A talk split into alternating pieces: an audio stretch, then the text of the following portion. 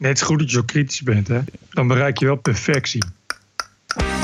This is the TPO podcast. Ultra extreem rechts wint in Polen. We zijn eh, meer aan de linkerkant, dus best veel van dingen die op dit moment gebeuren zijn voor ons niet te accepteren. Amerikaanse minister van Defensie geeft toe: we zijn in Syrië op de vlucht voor de Turken. 20, 30, 40 soldiers up against a 15,000 man army, which is using uh, airstrikes, artillery. En Engelse les voor de Extinction Rebellen. So the police and the riot police are surrounding us. The police and the riot police are surrounding us. Aflevering 142. Ranting and Reason. Bert Bresson, Roderick Phalo. This is the award-winning TPO podcast. Het is. Het is eh, maandagavond, 14 oktober. Alles goed met Bert? Uitstekend. Hoe gaat het met de Spaanse les, Bert? Ja, goed, maar ehm, het is eh, wel intensief en vermoeiend. Maar het is wel goed onderwijs. Het gaat wel heel traag. Het is wel op eh, echt al, voor alle niveaus. Maar omdat het zo langzaam gaat, heb je alles wat je doet, blijft ook wel hangen. En het is vooral, vind ik, heel goed gedaan dat het echt gericht is op conversatie in het dagelijks leven. Dus Heb je al boodschappen is- gedaan in het Spaans? Ja, dat, dat kon ik al. Oh, Oké. En eh, eh, gewoon besteld ook, inderdaad, kon je ook al? Ja, een dosse vessa. Eh, ja, iedereen kan Con, dat. con alcohol, eh sin alcohol. Con alcohol. A- Agua con gas. Right. Laten we even naar vandaag kijken, want vandaag, het is maandagavond 14 oktober. Eh, vandaag boerenprotestacties. Er was succes in Drenthe, Gelderland en Overijssel. Daar zijn de stikstofregels onmiddellijk ingetrokken. In Groningen was de sfeer gespannen. En daar gaan de boeren dus naar binnen toe. Een eh, bestorming op dit moment gewoon van het eh, provinciehuis. Discussie op Twitter over of de boeren niet hun goodwill aan het verspelen zijn met wat harde acties. Want eh, er reed een tractor door een, een hek, eh, was gevaarlijk. En met geweld is er toegang verschaft tot het eh, provinciehuis in Groningen. Ik vind wel een beetje dat eh, als je dus kennelijk ziet dat eh, die stikstofregels meteen weer worden teruggedraaid. Dan eh, ja, is het niet zo heel raar dat die boeren doorgaan natuurlijk. Nee. Dus, en, en ik vind het wel opvallend. Dus eh, kennelijk kan dat dus wel. Want eerst is het, is het, is het, eh, wordt ineens heel het land stilgelegd. Want de Raad van State bepaalt dan dat, het, dat, het, dat die regels moeten blijven gelden. En, en nu komen die boeren massaal op hun trekken. En dan ineens kunnen we die regels toch weer intrekken. Ja. Er is, volgens mij is er nogal wat aan de hand met die regels en hoe eh, overtuigend ze zijn. Ik kwam een aardige twitteraar tegen, de redacteur, die meldde vanavond dat de uitstoot van stikstof de afgelopen 30 jaar mega gedaald is. En met grafieken van de RIVM, namelijk dat er 30 jaar geleden eh 70% meer stikstof uitstoot was dan nu. Dus het probleem Exact. is 70% minder en nu is het opeens wel een probleem. Ja, precies. Ik geloof dat was Duitsland niet 42 keer meer uitstoot. eh, dat daar, eh, de, voordat het daar eh, verboden wordt. Dus het is dan ook nog eens keer het braafste jongetje van de klas. En ik geloof dat er dan ook nog een gedeelte van het stikstof komt aanwaaien vanuit Duitsland. Ja. En die, die, dat meten, dat deugt gewoon niet. Het is dus inderdaad gebaseerd op iets wat, wat, ja, waar, waar nog heel lang discussie over gevoerd moet worden. En wat niet nu al ineens zomaar. Eh, eh, de- waar, dat, waar niet nu ineens zomaar al die regels op, opgehangen kunnen worden. Want als je dat gaat doen, is het inderdaad de vraag eh, of, je die, of je niet moet gaan discussiëren of die regels dan wel passend zijn. Want wat je zegt, ja, het is echt enorm gedaald. Sinds, sinds jaren geleden. Ja. Dus het is dan heel raar om dat nu ineens zo toe te passen. En dan ook nog eens een keer alles op die boeren te gooien. Ja.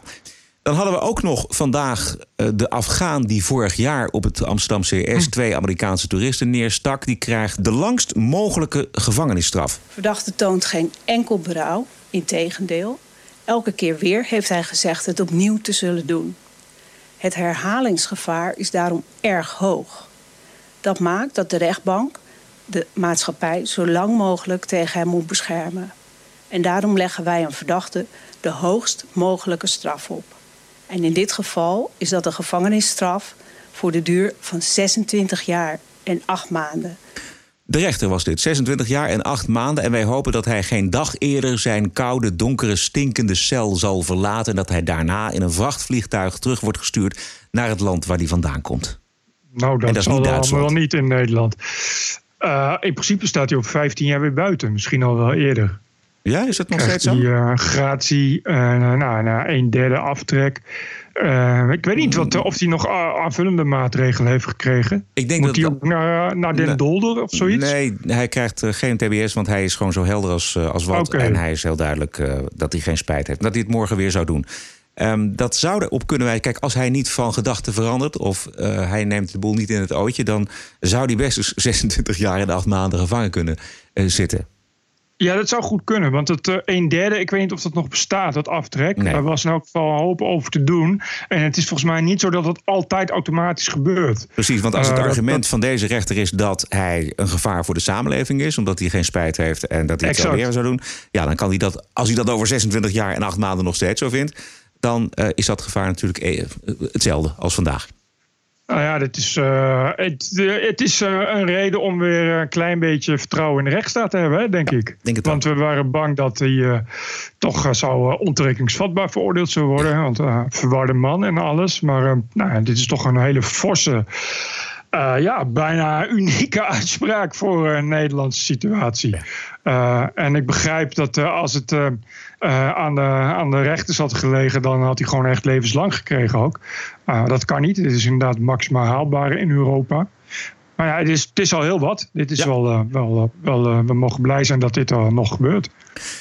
Grootste onderwerp sinds vorige week is en blijft natuurlijk de oorlog van Turkije tegen de Koerden en het verraad van het Westen tegenover de Koerden. Rekening uh, voor dit verraad zien wij al oplopen. IS-terroristen ontsnappen uit Koerdische gevangenissen. En het is een kwestie van tijd uh, dat of het kalifaat een doorstart beleeft, of de aanslagen en nieuwe vluchtelingen onze kant opkomen.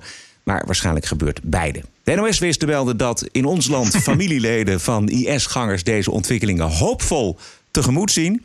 Uh, De ontwikkelingen gaan heel snel, maar eerst even een alles verhelderend interview zondagavond in het CBS-programma Face the Nation met de Amerikaanse minister van Defensie Mark Asper. En wat blijkt, de Amerikanen in Noord-Syrië zijn op de vlucht gegaan voor de Turkse invasie. You said you're doing this for U.S. force protection because of two advancing armies.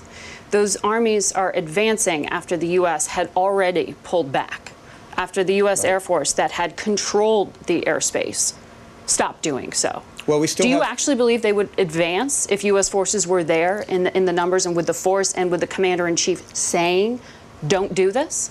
Uh, I do because in uh, my lead up to talks with uh, my counterpart of the past several weeks, I've been on the job a little bit over two months. It became very clear to me that the Turks were fully committed to conducting this incursion. The Turks were committed to doing this. This should not be a surprise. And if you go back in time to when we first began this relationship with the uh, with the Syrian Kurds, at that time in 2014, the Turks were protesting at that moment. Right. And it's gone on and on. And since that time, they've actually uh, uh, implemented three incursions into northern Syria. Do, but do you actually believe Turkey would fire on U.S. forces? We are NATO allies. Well, I don't know whether they have they would or they wouldn't. We have reports already of indiscriminate fire landing near American forces. Was that just- accidental? Was Well, that deliberate? Was we that need, reckless? We need to sort that out. We've given them the locations of our forces. Uh, but look, I've, I've been to war. I know what war's like. It, uh, there's a fog out there, and things happen. And we want to make sure we don't put our soldiers in a situation where they could be killed or injured. And look, even if the Turks decided not to attack forces, I mean, they got over 15,000 forces. What we decided to pull back from that immediate zone of attack was about uh, less than 50, maybe two dozen forces. It would be irresponsible for me to keep them in that position. And But you did them- have U.S. Air Force and we controlling still do. airspace. And we, and we still do. It was an, a coordinated arrangement between us and the Turks. And uh, despite our protestations, despite the fact that we urged the Turks not to do this, uh, they decided to do it. We told them that we would not support them militarily in this action. So, how does that not amount to a retreat? You're saying that the President of the United States, the Commander in Chief, said, don't do this. And then Erdogan said, I am. And he said, okay. Well, I I'm not wouldn't- going to fire back. I going to pull back. characterize it- I wouldn't characterize it this way, that way. What I'm saying is, we did not want to put American forces into harm's way. We did not want to get involved in a conflict that dates back nearly 200 years between the Turks and the Kurds, and get involved in another, yet another war in the Middle East. Ja, dit is een fantastisch interview. Uh, ik heb er nog Ja. zo meteen nog twee uh, fragmenten. Wie was dit? Dit is uh, Face the Nation. En deze man, dat is de uh, Amerikaanse minister van Defensie, Mark Asper. ja. De minister dus. Precies, die weet alles. Uh, Ja. Wat mij dus duidelijk wordt, is dat het telefoontje tussen Erdogan en Trump. Uh, dat Erdogan in dat telefoontje heeft duidelijk gemaakt: luister, we gaan erin. Wat je Precies. er ook van vindt. Dus je kan maar beter wegwezen. En supermacht Amerika, die heeft daar dus niets tegen in te brengen. We willen af van die gasten en we gaan erin. En of, als jullie blijven, dan gaat dat levenskosten aan de Amerikaanse kant. Ja, maar dat kan niet, want het is NATO. Uh, en bovendien, uh, Rusland zit er ook in. Ja. Die zitten aan de kant van de Syriërs. Dus het is een uh, wespennest waar Amerika niet in wil zitten. Amerikanen die hebben daarna hemel en aarde bewogen om Erdogan op andere gedachten te brengen. Luister. Since I came into office over two months ago, I worked week after week with my uh, defense minister counterpart from Turkey and urged them not to do this. We cited all the reasons that are now playing out, the biggest being the likely release of ISIS fighters from these camps and prisons. Not just that, we see a humanitarian crisis emerging. We, uh, the, this relationship between the United States and Turkey is being damaged. Their standing in NATO and Europe is being hurt. We see European capitals coming out and criticizing President Erdogan for, for this, these actions. Everything that we told them, all the reasons why we told them not to do this, are, are coming to bear. And what price will they pay for it? Well, we'll see over time. You see that uh, that some European countries are already talking about specific sanctions and actions. The president is talking about the same. Uh, we should expect to see something like that along those same lines. Doesn't that just drive them into the arms of Russia? I don't think so. We've got to see how this plays out. Uh, but again, we've got to take this one step at a time. It's a very fluid situation. It's changing by the hour. Ja, dit het is uh, Erdogan is uh, evil. Dat is uh, in elk geval duidelijk. Ja, hij speelt alles tegen elkaar uit. Want hij, inderdaad, je zou zeggen, als je een NAVO-partner bent, dan ga je dit samen oplossen. Zeker als je samen in die regio bent. Nou, daar, heeft hij geen zin in. En hij dreigt inderdaad, want haar vraag is, is correct, denk ik. Dat zij zegt van ja, wacht eens even. Eh, Amerika moet ook rustig aandoen met Turkije. Want anders dan stappen ze over naar, naar de Russen. En dan, dan, dan valt sowieso aan die kant van de NATO of de NAVO uit elkaar. Precies. Het is een move die heel goed valt te begrijpen. Maar het is wel heel anders uitgelegd dan dat Trump het in eerste instantie uitlegde. Precies. Nog één laatste fragment uit Face the Nation. Interview met de Amerikaanse minister van Defensie Mark Esper. European allies are looking at this, and when they hear the president say things like these ISIS fighters will just flee to Europe, they say that is not appreciating the alliance. That Turkey has been far too permissive in allowing ISIS fighters within its territory. They see this as inevitable that we are headed towards a terrorist attack we, because we, of this chaos that the U.S. is allowing in the vacuum. Well, let's be clear: the United States is not allowing this. Turkey committed this action. They decided to make an incursion in northern Syria, despite our protestations, our urgings not to do it all of our warnings. They decided to do it. The situation but the, the U.S. ISIS, is being permissive, arguably, by pulling back we, and not we are, stopping we are them. doing what's in the interests of our service members, not to put them in harm's way, not to put 20, 30, 40 soldiers up against a 15,000 man army, which is using uh, airstrikes, artillery, and ground forces to prosecute a war against the Turks, whose roots go back over 200 years. Ja, kijk, sowieso dat die inderdaad, dit verhaal dat je, dat je nog geen 2000 manschappen hebt, dan trek je die terug. Dat is inderdaad zinloos. Uh, wat, maar het sluit niet uit dat de Amerikanen weer terugkomen op den duur. Zoals ik die minister nu hoor. Kijk, hij, hij is de weg gegaan uh, omdat ja, die Turken komen, die zijn met zoveel. En ja, dat is gewoon een klein expeditieleger. En dat is niet bestand. Uh, dat is zinloos. Dat is, dan slag je gewoon je man af, terwijl je toch niks kan doen. De indruk die ik krijg is dat ook Trump zich heeft laten overrompelen door Erdogan en door zijn Precies. standvastigheid. En zeggen van we gaan erin en uh, no matter what, zorg maar dat je weg bent. Want dat verklaart ook enigszins waarom Trump zo onverwachts gehandeld heeft. Iedereen zegt, ja, Trump heeft het aangekondigd. Dat is ook zo. Hij heeft het ook in zijn, in zijn, in zijn verkiezingstournee heeft hij dat in de tijd aangekondigd. We weten allemaal dat ja. hij weg wil, maar niet op deze manier. Hij heeft zelfs zijn eigen, zijn trouwste bondgenoot in het congres, Lindsey Graham en consorten, heeft hij um, verrast. Dus hij heeft zich, om het eh, populair te zeggen, hij heeft zich eigenlijk voorkomen laten piepelen door Erdogan. En uiteindelijk betalen natuurlijk in eerste instantie de Koerden de hoge prijs. Uh, ik vond een fragmentje van Trump in september vorig jaar over de Koerden. Dit is dus een jaar geleden. They fought with us. They died with us. They died. We lost tens of thousands of Kurds died fighting ISIS. They died for us and with us and for themselves. We, we don't forget. I don't forget. What happens someday later, but I can tell you that I don't forget. Dus they died for us, de Koerden. Ja. Ja. En, dit, en, en, dit waren zijn woorden in 2019. They didn't help us in the Second World War. They didn't help us with Nor Normandy, as an example. They mentioned names of different battles. In addition to that, we, we, we have spent tremendous amounts of money uh, on helping the Kurds in terms of ammunition, in terms of weapons, in terms of money, in terms of pay.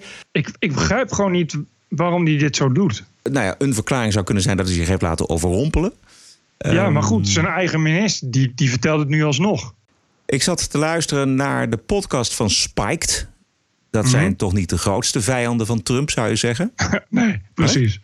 En daar hoorde ik Tom Slater, dat is een columnist van Spike, en die zei het zo. way in which Trump has done this was incredibly striking, not just because of how you know ridiculous it was at times. Again, referring referring to his unmatched wisdom, you know, all of these ridiculous flourishes, incredibly undiplomatic stuff. You know, not just in relation to the Kurds, but also when the question was raised about you know there are thousands of ISIS fighters being held in pretty ramshackle prisons by the Kurds in Syria. What about them? And he just said, "Oh, well, they're going to escape to Europe if they're going to escape to anywhere." It's an absolutely incredible thing to say.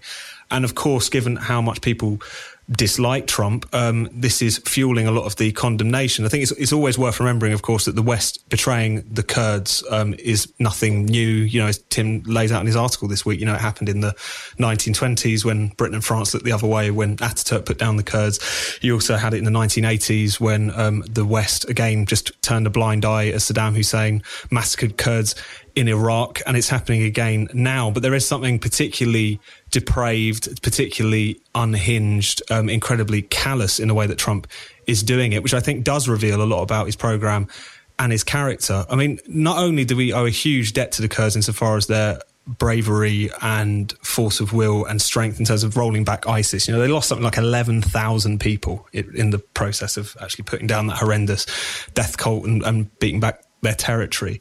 But as well, on top of that, you've also got the way in which the kind of society that Syrian Kurds were carving out in that part of the world. A really remarkable kind of democratic, egalitarian, feminist, as they would put it, experiment um, in a part of the world which has been becoming increasingly none of those things.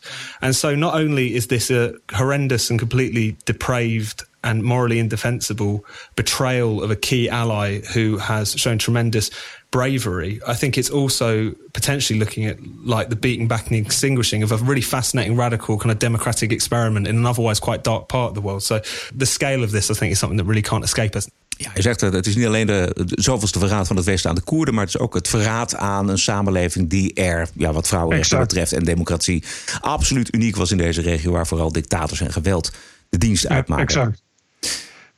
Ja, ik vind vooral wat hij zegt over, over, over de, de, het gebrek aan diplomatie en het karakter van Trump interessant.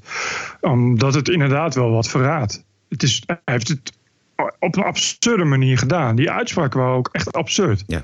Zowel eh, eh, als over de Koerden hebben we niet meegevochten op, op die day of zo. Weet je wat, wat echt. Haal je het überhaupt vandaan? Als dus inderdaad, ja, dan, dan laat die IS-strijders maar naar Europa gaan. Want Europa eh, heeft, heeft ze niet, weet je, die had ze dan maar moeten halen, zoiets. Of wat was het? Ja. je, nou ja, het daar, is daar, echt- daar, heeft hij, daar heeft hij vaker op aangedrongen. En Europa eh, komt hier niet met schone handen weg natuurlijk. Want die hebben zich misdragen door helemaal niets eh, te doen in de regio. Er is gevraagd om die bufferzone eh, te bemannen, te bemensen. En daar heeft Europa ook voor bedankt. Ik bedoel, Europa denkt ook... Die staat nog eigenlijk steeds in de, in de stand van... Amerika regelt het wel. Goed, daar heeft hij wel een punt. Ja. Maar in dit geval was het een rare manier van zeggen. Omdat eh, ja, hij, je- hij weet welk kwaad de ISIS is. En Dus, dus het is heel raar om dan te zeggen: Oké, ik, ga, ik ga hier weer weg. En terwijl ik weet dat als ik wegga, dat ja, die, die kampen worden als eerste overlopen. En die lui komen vrij. Weet je, nu zijn er net wat 318 vrijgekomen of zo. Die zijn ontsnapt. Ja. Nou, waar zullen die toch, waar zullen die toch heen gaan? Ja. Nou, gelukkig, gelukkig komen die niet met vluchtelingenstromen, want daar is geen enkel bewijs voor, dus dat is hysterie. Precies, mevrouw Sargentini. De grote vraag is waarom eh, eh, heeft Trump dit gedaan? Ik denk dus zelf dat hij zich heeft laten overrompelen door Erdogan. En Erdogan wist ook namelijk dat Trump daar eigenlijk weg wilde.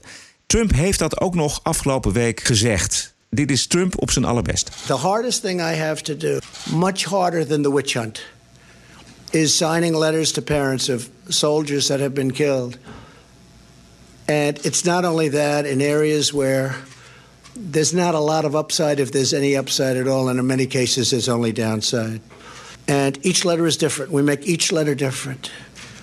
And last week I signed five of them for Afghanistan, one in Iraq, one in Syria from two weeks ago. And sometimes I call the parents, sometimes I see the parents. It's so devastating. When they, when they bring uh, that boy or young woman out of the back of those big, powerful planes in a coffin, and the parents are there. You know, we have people that do that. That's what they do. They they they work that. They accommodate everybody. That's what they do. They do an incredible job. And they said, I said the parents seem to be okay. I'll get there early. The parents seem to be okay. Well, actually, sir, they aren't. No, no. The way they're talking, they're really okay, aren't they? Sir, you never know until the back of that massive cargo plane opens up and they walk down holding a coffin with four or five great soldiers on each side of it representing our various forces that you never know. And then I see it, and I see people that were smiling, oh, Mr. President, thank you for being here, thank you for being here, and I think they're doing great. And then 20 minutes later, we'll be outside when that big plane pulls up and that door comes down, and they are walking the coffin with their boy inside this coffin with an American flag over the top. And they're walking that coffin down this ramp. And I've seen people that I thought were really incredible the way they were. Ta- I didn't even understood how they could take it so well. Scream like I've never seen anything before. Sometimes they'll run to the coffin. They'll break through military barriers. They'll run to the coffin and jump on top of the coffin, crying, mothers and wives crying desperately. Uh, and this is on these endless wars that just never stop. And there's a time and there's a place, but it's time to stop. Ja, dit zijn dan wel weer, wel weer mooie woorden. Ja, en dit meent Vrij duidelijk inderdaad. Ja, maar als je dit soort dingen zegt in het openbaar, in een persconferentie, dan weten ook de Turken en Erdogan hoe ver ze kunnen gaan. Nog meer over dit onderwerp. Ja, want uh, we mogen van Erdogan ook Erdogan niet bekritiseren. Want dan dreigt hij, wat is het, 3,5 miljoen, 4,5 miljoen Nee, vluchtelingen. 3,7. Drie- de grote crisis in 2015 waren 1 miljoen vluchtelingen naar Duitsland. Stel dat er nu 3,7 komen. Dan kun je wel op je vingers uittellen hoe groot de crisis dan wordt. Het, het, het zegt iets over de onvoorstelbare, naïeve en domme houding van eh, Europa. En dan hebben we het natuurlijk over Duitsland, Frankrijk, eh, maar ook eh, Mhm. Nederland. Namelijk om, dat is al zo vaak gezegd, maar om, om de sleutel van je eigen grens in handen te geven van Erdogan, alsof die te vertrouwen is. En we zien dat chantage dus onvermijdelijk is. Je moet je eigen Exact. grenzen stellen. Als je dat niet kan, of als je te belazerd bent, of als je, te- als je het niet durft, eh, of als je bang bent voor een verkeerd imago, ja, dan, dan vraag je om een chantage op deze manier. Dus dat hebben, dat, dat hebben de Europese leiders eh, helemaal aan zichzelf te danken. En eh, als ze straks komen, dan is het de prijs die de Europese bevolking betaalt. En ik, het, zou, het wordt toch wel eens de hoogste tijd dat de Europese bevolking deze generatie leiders een flinke afstraffing geeft. Maar luister goed, als ze komen, dan is het ook al echt meteen gedaan met die Europese leiders. Eh, want we gaan eh, zo meteen nog hebben over de PIS-winst in Polen. Eh, we zien vandaag de boze boeren, wat toch ja, meer is dan alleen stikstofbeleid. Dat denk ik ook. Een, een opstand tegen, tegen de elite die, zoals die boeren zelf zeggen, alleen maar over boeren uitkotsen en eh, het alleen maar moeilijker maken. De boeren doen wat natuurlijk heel veel burgers denken, maar die doen. De boeren doen wat eh, in Frankrijk de gele hesjes doen.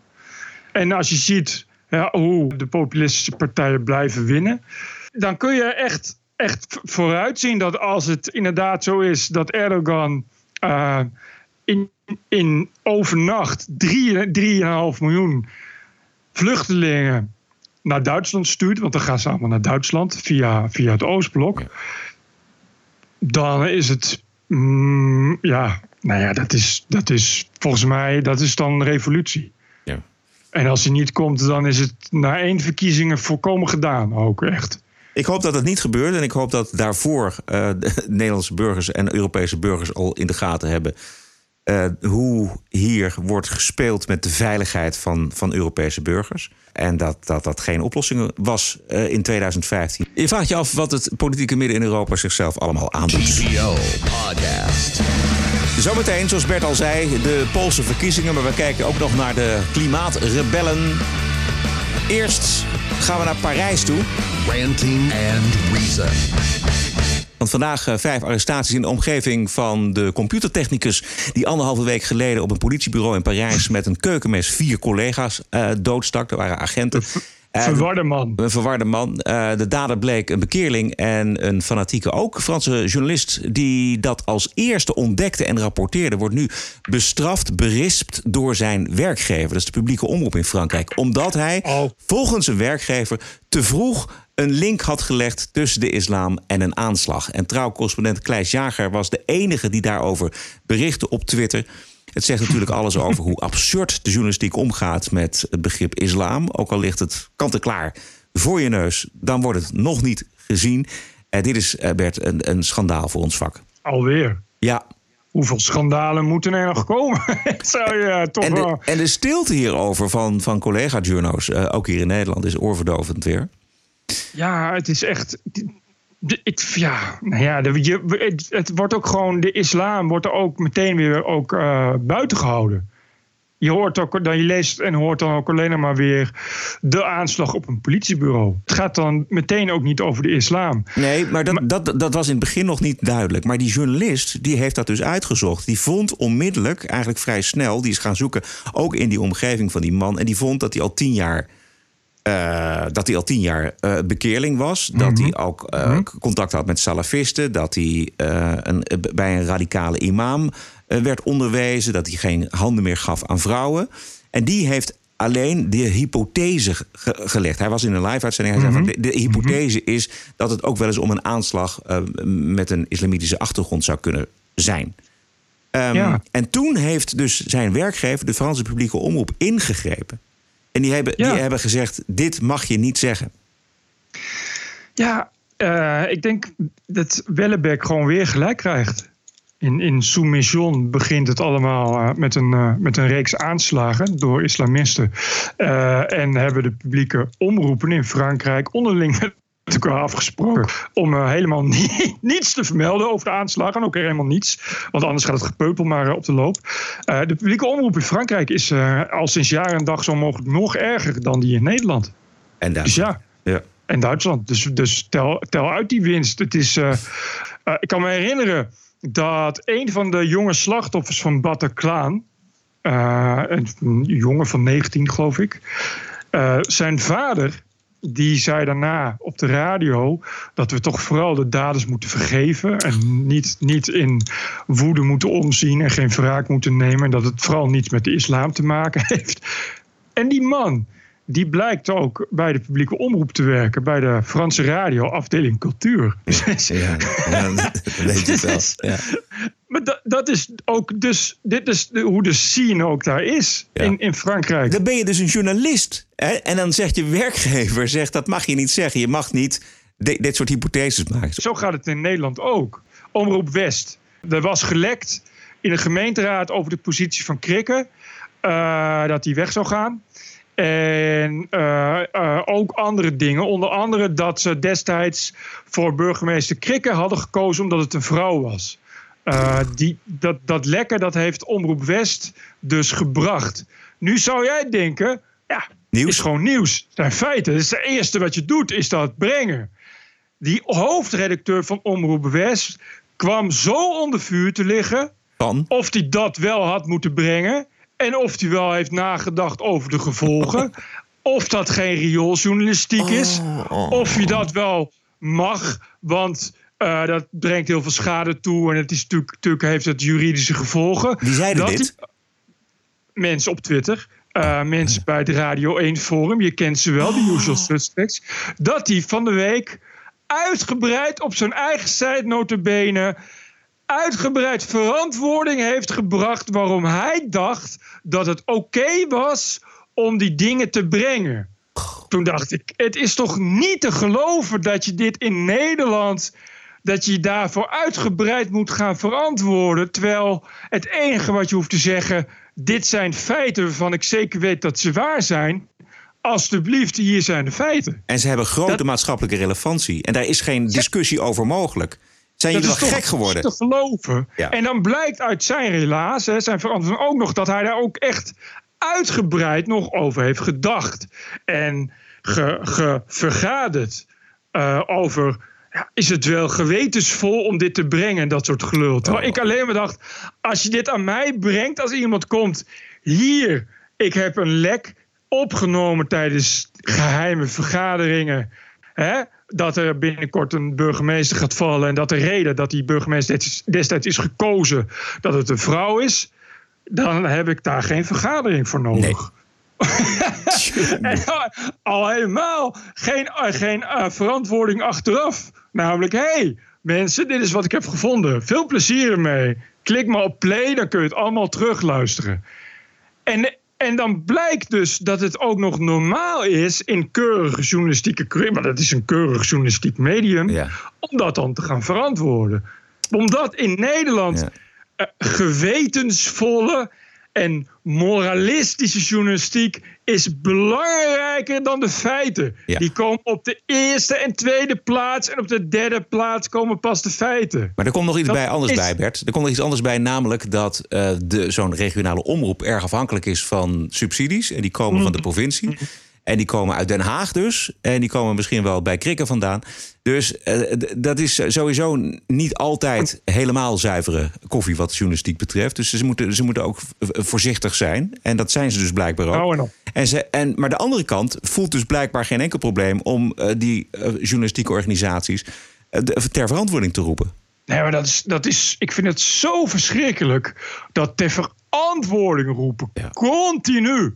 En het gaat nooit over de feiten. Het gaat nooit over het nieuws. Dus dan heb je groot nieuws, brekend nieuws. Laten we het daarover hebben. Nee, dan gaan we programma na programma. Onze panel storten we vol met blanke bejaarden die gaan verklaren dat het niet gewetensvol is. En dat je verantwoording moet nemen. Ja. Het is onvoorstelbaar. Maar goed, zo gaat het dus bij de publieke omroep in Frankrijk net zo. Dus we gaan even naar de Polen. Nou, als het wel een beetje gewetensvol en verantwoordelijk gaat. De Volkskrant vanmorgen met de kop ultra-rechts. Polen boekt grote zegen.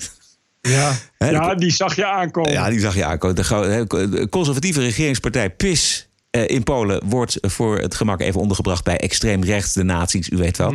Um, is toch wel weer een tegenvaller voor de progressieve media. Terwijl de NOS gisteren nog zulke mooie geluiden opving bij een stembureau in Nederland. Ik wil iets veranderen. Ik wil uh, geven andere mensen uh, in het parlement. Ik wil graag zien jonge generatie. We zijn meer aan de linkerkant, dus best veel van dingen die op dit moment gebeuren zijn voor ons niet te accepteren. Ja, nou, ik wil dat de huidige partij uh, uh, niet meer aan de macht zit. De PIS dus? Ja. ja. Volstrekt aselecte groep mensen bij een stembureau. Heel toevallig. Er is helemaal niet het idee dat er is in geëdit of zo. Dat helemaal niet. Conservatieve Polen moet je natuurlijk absoluut niet voor je camera krijgen. En, en als je die wel krijgt, dan verdwijnen ze vanzelf in de montage. TPO Podcast. De blokkades van de klimaatrebellen gaan door. Drie of vier keer zijn er in de straten hier in Amsterdam uh, blokkades opgeworpen. Uh, we hebben natuurlijk een CO2-probleem, maar de reportages van Omroep Poont... die hebben al aangetoond dat deze rebellen eigenlijk geen idee hebben. We zijn hier gewoon puur tegen het, ja, het milieugeval eigenlijk. Tegen het milieugeval? ja, tegen gewoon hoe de gemeente en hoe onze overheid staat in het milieu. Het gaat te langzaam. er zijn Wat gaat te langzaam? Er zijn een aantal akkoorden gesteld waarom de verandering moet zijn. En die worden gewoon nu nauwelijks nageleefd. En dat is gewoon... Ja, dat heeft, gaat gevolgen hebben. Bepaalde akkoorden. Wat wordt niet nageleefd? ja. Dat weet je niet. Nou ja, kijk. Nou ja, daar heb ik eerlijk gezegd heb ik daar geen antwoord op mee. Nee, en ze praten vooral elkaar na. So the police and the riot police are surrounding us. The police and the riot police are surrounding us. Uh. De feiten en de klimaatverwachtingen van het IPCC die zijn al zorgelijk genoeg. Maar Extinction Rebellion die doet er graag nog een schepje bovenop. Paar scheppen, paar flinke scheppen. Bleek ook afgelopen week in een BBC-interview met Andrew Neil. Damn, Eh, dat was goed. Ja, met een hooggeplaatste klimaatrebel. eh, werd heel veel gedeeld op Twitter. Nog even een klein fragment. I've seen some of your activists claim on TV that billions of people are going to die in quite short order. One of your founders, Roger Hallam, said in April, Our children are going to die in the next 10 to 20 years. What's the scientific basis for these claims? So these claims have been disputed, admittedly. There are some scientists who are agreeing, and there are some who are saying that they're simply not true. But, um, you know, the overall issue is that these deaths are going to happen. We don't know exact numbers, and actually, it's a little bit, um, you know, concerning to focus on how just how many deaths there will be deaths and mass suffering and that you know any any, any amount is enough as far as we're concerned But most scientists don't agree with this. Climate change scientists, those who know there is a problem and it has to be tackled and things have to be done, more has to be done that's being done. Uh, I've looked through the UN Intergovernmental Panel on Climate Change, the latest AR5, and uh, the October of last year special report. I see no reference to billions of people going to die or children going to die in under 20 years. well we're not claim i don't think he was claiming that that was from that report No, I know So- that, but what I'm saying is, I don't know where the scientific validity comes for that. I mean, So there's a lot- how would they die? mass migration around the world already taking place due to prolonged drought in countries, um, it- particularly in South Asia. There are wildfires in Indonesia, the Amazon rainforest, also Siberia. You know, the Arctic. But Th- th- these are will be death all uh, these are all really important problems, and they can cause fatalities, Mm-hmm. but they don't cause billions uh, of deaths. They don't mean that our young people will all be dead in 20 years. No, perhaps not in 20 years, but I can't speak to what Roger was, um, you know. He's one of your meaning founders. With that, he, he's one of the members of Extinction Rebellion. Yes. You're scaring people with this rhetoric, aren't you? I think that I think there's a danger of scaring people simply because we're not taking it seriously enough, and people are feeling really, you know, desperate that we're heard on this. And, and unfortunately, uh, you know, alarmist language works, which is why we're, we're discussing it right now. Alarmist language works. Kijk, kijk, kijk. There it kijk. is. Ja, ik, vond het, ik, ik, ik vond het echt een geweldig interview. En als hij, hij het doet, dan beter dan, dan als je nou door hem wordt omgeduwd, dan is het ook wel klaar met je. Want uh, hij is daar zo goed in. Uh, en ik wist het dus allemaal niet. Ik wist helemaal niet, want ik had me helemaal niet verdiept in, uh, in dat verder in dat Extinction Rebellion. Uh, ik vond dat ze qua, qua perswoordvoering en het doorsturen van persberichten vond ik ze wel geinig. Daar zijn ze heel goed in. Ze zijn heel goed in uh, communiceren naar de media uh, en dat ook uh, zoveel mogelijk inzetten. Dus ze sturen het ook naar mij bewust, omdat ze weten dat ik daar een negatieve draai aan geef. Maar elke, elke aandacht is goede aandacht, dus dat snappen ze allemaal wel. Um, toen zag ik inderdaad die filmpjes en dit zijn allemaal gewoon dezelfde verdwaasde dansende hippies die, uh, ook, uh, die je ook ziet bij ontruimingen van UvA-locaties. Ja. Uh, die je ook zag bij, bij Occupy. ze doen nu ook weer hetzelfde, hè? dus in elkaar, elkaar naspreken. dat elkaar naspreken, dat deden ze bij Occupy ook. Dat is echt verschrikkelijk, want dat komt uit als je heel veel mensen hebt, dat als iemand vooraan iets zegt, kun je het achteraan niet horen. Dus als mensen dat de hele tijd nazeggen, dan draagt het tot achteren. dat slaat nergens nergens op als je één persoon hebt met een megafoon en verder twintig mensen. Dan hoef je het niet na te zeggen, want dan kun je het heel ver kun je het horen. Dus het is allemaal pijnlijk, pijnlijk debiel.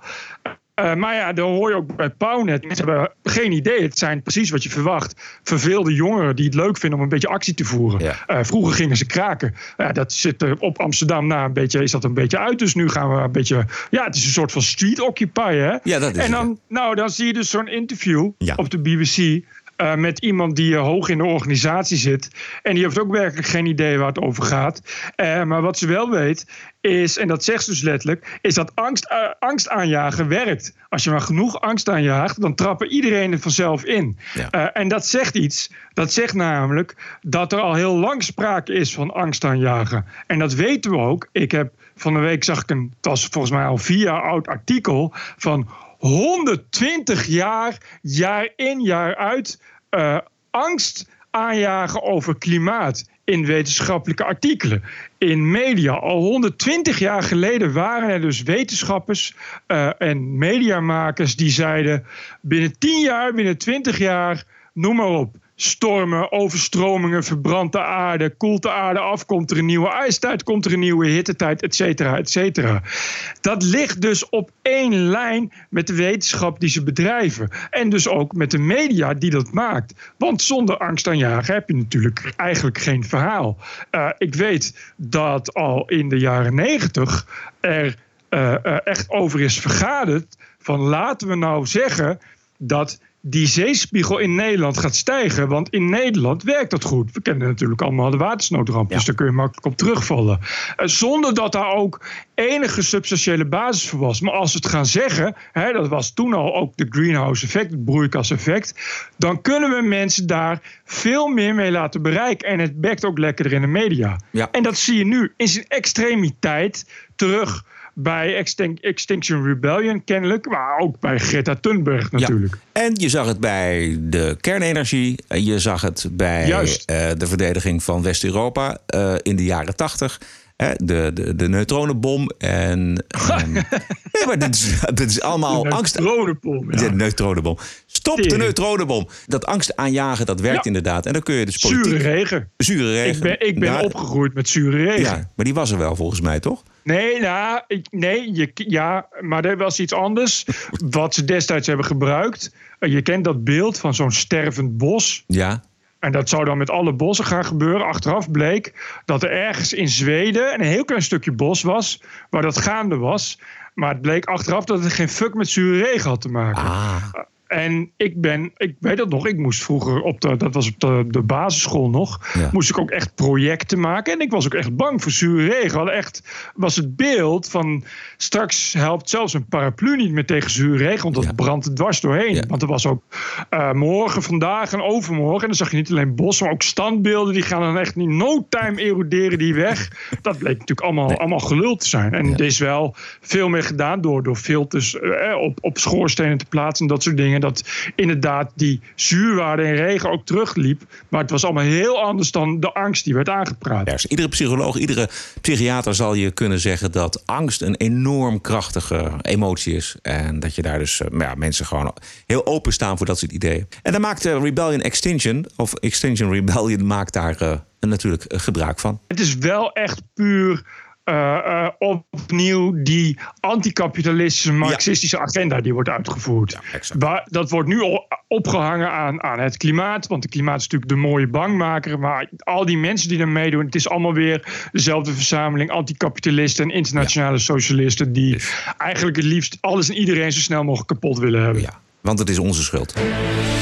This is CNN breaking news. Donald Trump is not going to be president of the United States. Welcome to Morning Joe. Mr. President, if there is no collusion. The government shutdown is now in week four. Today was not just like a normal stormy day in the news. This is not just my opinion. TPO Podcast. This is evidence. We hebben het al uitgebreid over Trump gehad. Even iets anders uit Amerika, Bert. Ik kreeg uh, van Our Man in New York, Kees Honig... een sterk stuk opgestuurd uit de National Review... over yes, identity gelezen. politics. Ah, goed zo. En dat stuk dat begint uh, met een aantal vernietigende recensies... voor de zwarte stand-up comedian Dave Chappelle. Hij zou Yep. seksistische, homofobische, foute grappen maken... die duidelijk zouden maken dat Dave Chappelle out of touch is met zijn tijd. De recensenten die hebben geen goed woord over dit soort grappen van Dave Chappelle. I am what's known on the streets as a victim blamer. You know what I mean? Somebody come up to me like, Dave, Dave, Chris Brown just beat up Rihanna. I'll be like, well, what did she do? Ja, het gaat dus op deze show te zien bij Netflix. Uh, kan niet, mag niet, kwetsend natuurlijk. Maar uh, toen de publiekswaarderingscijfers uitkwamen bij Netflix... bleek dat het publiek het juist heel erg grappig vond. En de National Review trekt eigenlijk twee conclusies. Uh, conclusie 1 is dat een kleine clubje recensenten... Eigenlijk, dat zijn de mensen die out of touch met hun tijd zijn. En die hebben geen idee wat het publiek echt leuk vindt. Namelijk uh, gewoon politiek Precies. incorrecte stand-up comedians. En conclusie 2, die vond ik eigenlijk het meest interessant. Is dat stop, stop nou met je druk maken over wat een kleine maar luidruchtige groep bedweters vindt van jou, van mij. Stop met bang zijn. Ik, ik zal de laatste paar regels van het stuk voorlezen, want die zijn het meest veelzeggend. Why is the majority staying silent for fear of a tiny subgroup whose only weapon is a handful of hack words? It's time for us to stop being afraid. It's time to stop pretending we're offended when we're not. And it's time to speak up against the loud, self righteous, whiny few.